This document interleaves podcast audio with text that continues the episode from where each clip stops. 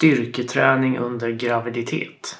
Det har kommit en ny studie som har undersökt kvinnor som styrketränar tungt under sin graviditet. I korthet så är det man har gjort här är att man har eh, gett ett antal kvinnor, det var drygt 600 stycken från egentligen hela världen, eh, enkäter Eh, och så fick de fylla i dem efter deras eh, graviditet och efter deras förlossning. Där de fick beskriva hur de hade tränat under sin graviditet och efter sin förlossning. Och även eh, lista en, del, en hel del pro problem då som de hade haft under graviditeten eller inte haft under graviditeten. Och sen då problem vid och efter förlossningen som de kanske hade haft eller inte haft då. Och det här var då bara utfört på kvinnor som styrketränade tungt under sin graviditet. Det var de man riktade sig till, det var bara de man inkluderade. Kriteriet var att man skulle träna över 80% av ett RM under sin graviditet. Resultatet av den här studien kan man väl då säga enligt författarna är att man inte får några ökade problem av att styrketräna tungt under sin graviditet. Både då under graviditeten men även vid förlossningen och efter förlossningen. Så saker som till exempel urinkontinens, att det inte skulle vara ett problem för det. Eller eh, prolaps eller andra saker som kan inträffa under och efter en, en graviditet. Då. Eller liksom problematik i samband med förlossningen som till exempel att man behöver göra kejsarsnitt eller sådana saker. Så det antyder då att, att det skulle vara både säkert och kanske i viss mån till och med effektivt att träna Eh, tungt under sin graviditet. Och för någon som då är intresserad av träning, styrketräning, tung styrketräning och att försöka på något sätt värna om korrekt information till gravida kvinnor så borde man ju liksom eh, ropa glatt hurra här och, och sätta klackarna i taket och säga kör på hårt. Det är liksom det man skulle vilja ta med sig av den här studien. Men jag tänker att det här får bli lite en övning i hur man granskar hur en studie är utförd och vad man kan läsa ut av olika typer av vetenskap. Så nu kommer jag göra liksom två fullständiga faux pas här. Att jag kommer dels som man då prata om eh, problem eh, hos gravida kvinnor. Vilket ju är en, en, en väldigt avancerad form av mansplaining. Eh, och sen så kommer jag berätta för forskare varför de inte gjorde just den studien som jag ville att de skulle göra. Vilket jag vet att alla forskare verkligen älskar. Eh, jag är alltså sarkastisk nu, de hatar när man gör det och det har att göra med att det är inte så jävla lätt att göra den perfekta studien. Men det är ändå viktigt att, att, att liksom, eh, gräva i en studie och försöka ta reda på vad man egentligen kan säga utifrån ett resultat och hur en studie är uppbyggd och sådär.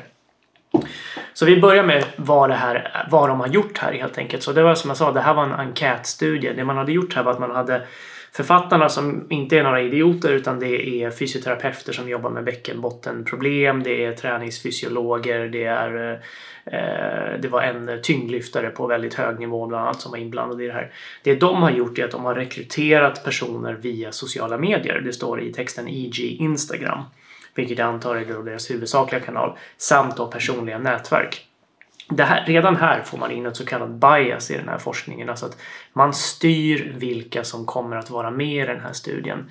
Det här är ju ganska mycket att göra med att, att den här studien inte är gjord i Sverige. För i Sverige så hade man kunnat göra så här eftersom vi har ett så liksom, robust system för det här. Man hade kunnat ge alla som skriver in sig på MVC hade kunnat få alternativet att vara med i den här studien. Alltså till exempel om KI skulle göra den så kan de säga tillsammans med Karolinska institutet så erbjuder vi dig att vara med i den här studien. Vill du vara med? Ja, då får du liksom vidare information. Vill du inte vara med? Nej. Vill du gärna berätta varför du inte vill vara med? Då får du då liksom att vi har erbjudit så här många kvinnor att vara med i den här studien. Så här många tackade ja, så här många tackade nej, så här många uppgav liksom ett skäl till varför de inte ville vara med i den här studien. Det är liksom en sak som man hade kunnat göra för att det här skulle bli mycket mer pålitligt.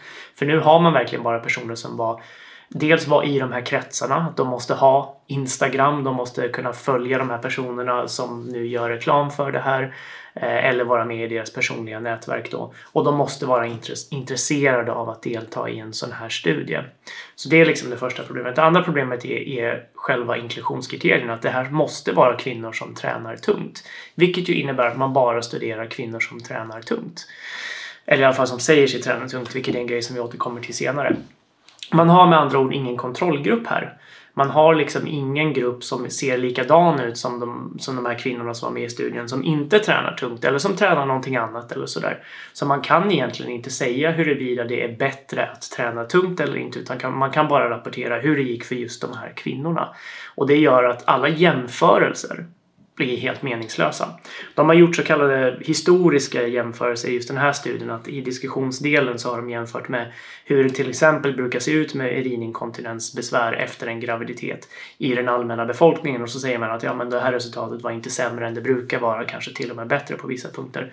Men då är ju problemet här då att då har man ju mätt på helt andra sätt. Man kanske har man mäter urinkontinens genom deras formulär som de har gjort i den här studien så kanske man har gjort på ett helt annat sätt i andra studier och då kan man få helt olika så kallad prevalens, alltså förekomst av det här.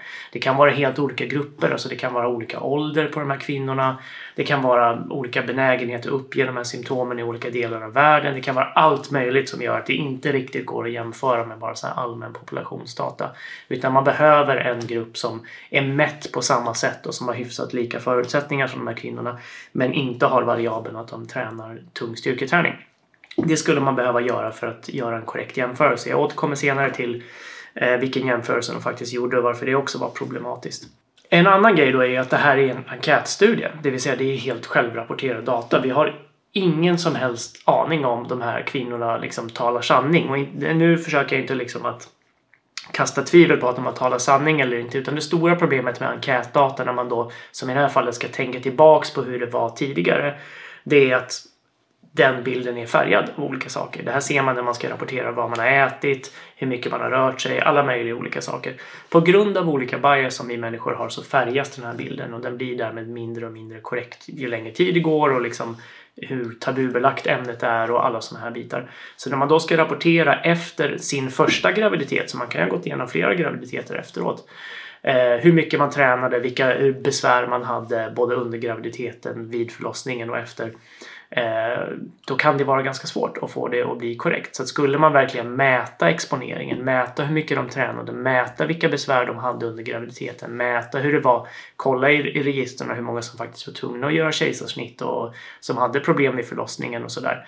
Då skulle man få andra siffror, det är jag helt övertygad om. Så själva rapporteringen, själva exponeringen är väldigt tveksamt mätt i den här studien. Och sen är det ju då att det bara är vid ett tillfälle. Det är verkligen bara efter förlossningen. Eh, och hur långt efter förlossningen? Ja, men det, det varierar ju liksom. Man kan ju som sagt till och med ha gått igenom fler graviditeter efter den här som det handlar om eftersom det alltid handlar om den första graviditeten i den här studien. Då. Jag sa ju där att det går egentligen inte att göra några jämförelser om man inte har en kontrollgrupp. Så det de gjorde i den här studien var att de hade bett deltagarna att uppge hur mycket de gjorde olika saker. Så de hade olympiska lyft, alltså tyngdlyftning. Gör du det? Ja eller nej? Eh, de hade något som de kallar för supine weightlifting, vilket alltså är eh, liksom styrketräning när man ligger på rygg. Bänkpress, sådana typer av grejer. De hade något som man kallar för valsalva-manövern, vilket är det man ofta tillämpar när man ska lyfta tungt. Så liksom håller man andan och ökar buktrycket sådär. Det är också en sån här sak som har tidigare antagits öka risken för olika komplikationer och, och så vidare. Och sådär. Så man fick uppge dem om man gör de här sakerna. Och sen då jämförde man då de som körde olympiska lyft versus de som inte körde olympiska lyft.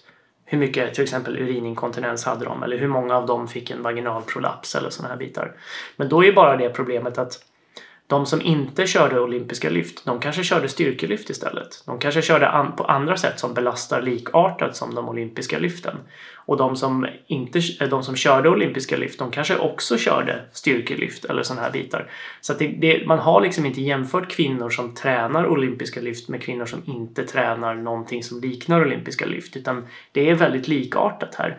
Så man har egentligen bara tittat på en grupp kvinnor som styrketränar tungt. Sen har man gjort massa märkliga jämförelser inom den gruppen och sett att det är inga större skillnader mellan, mellan de här grupperna då. Men om grupperna är egentligen samma grupp, vilket gör att det här blir, en, det blir väldigt konstigt att göra jämförelser på det här sättet. Det hade varit egentligen mer intressant bara att göra en beskrivande studie av liksom, hur de som eh, säger sig göra en, några av de här sakerna, hur mycket besvär har de? Och då kan vi egentligen komma till vad jag tycker att man kan ta med sig av den här studien och det är att det här är värdefull forskning för att tittar man på vad som finns gjort tidigare så finns det typ ingenting gjort på ett bra sätt som visar på att det är säkert att styrketräna tungt.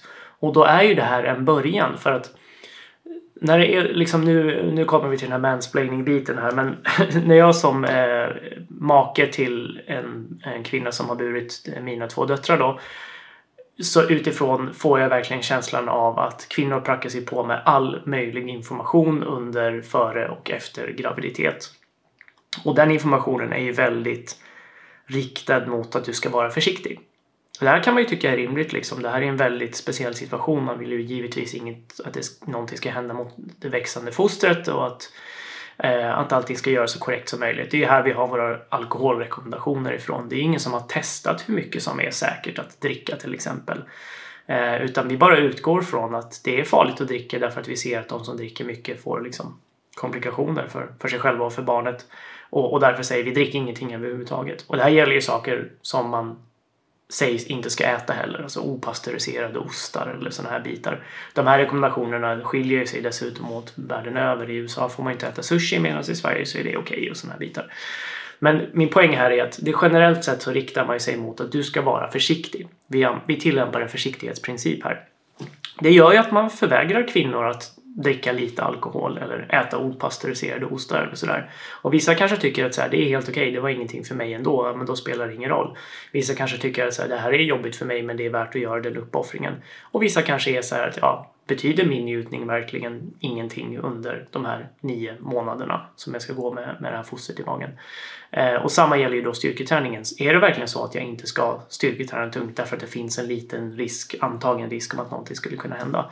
Ja, men här behövs det ju faktiskt data och nu, den här typen av studier visar i alla fall att några kvinnor säger sig i alla fall ha gjort det här. Om de har gjort det på det här sättet som de beskriver, det vet vi inte riktigt. Vi vet inte riktigt vad som skulle hända ifall lika, liknande kvinnor som inte gör det här skulle gå in och börja göra det här. Vi vet inte vad som skulle hända ifall de här kvinnorna som var med i den här studien skulle sluta styrketräna, hur det skulle se ut. Det finns massa frågor som vi inte vet. Det man inte vet med den här datan, det är egentligen vad som händer ifall man verkligen utsätter gravida kvinnor för den här typen av träning. Det kan man inte säga med den här datan. Och det är egentligen dit vi skulle börja komma och på något sätt så visar ju den här datan att det, den antyder i alla fall att det skulle vara säkert att göra det så att vi kanske inte behöver vara så rädda för att göra de här studierna. För jag tror definitivt att det skulle finnas ett värde i att kvinnor som vill kunna träna Eh, både under graviditeten men kanske framförallt att inte tappa någonting under graviditeten för att bibehålla och kunna fortsätta längre fram. Eh, hur ska de göra? Vilka råd ska man ge? Vad är verkligen värt att se upp med och vad är gammalt, eh, gamla floskler? Liksom? Eh, det, det, är saker som vi inte riktigt vet och den här studien hjälper till att komma dit. Men man kan inte hålla upp den här och säga kolla nu är det avgjort. Alla som eh, säger att tungstyrketräning skulle vara negativt eh, är eh, fearmongers. För det vet vi inte.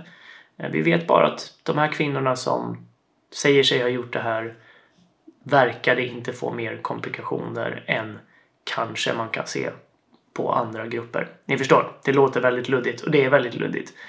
Så mer forskning krävs, eh, intressanta grejer men och som sagt det är, det är inte forskarnas fel att det blir så här utan man behöver göra det bästa man, man kan av den här situationen men, men eh, vi skulle verkligen behöva mer data för att kunna säga någonting mer säkert. Så, det var allt. Vi ses när vi ses.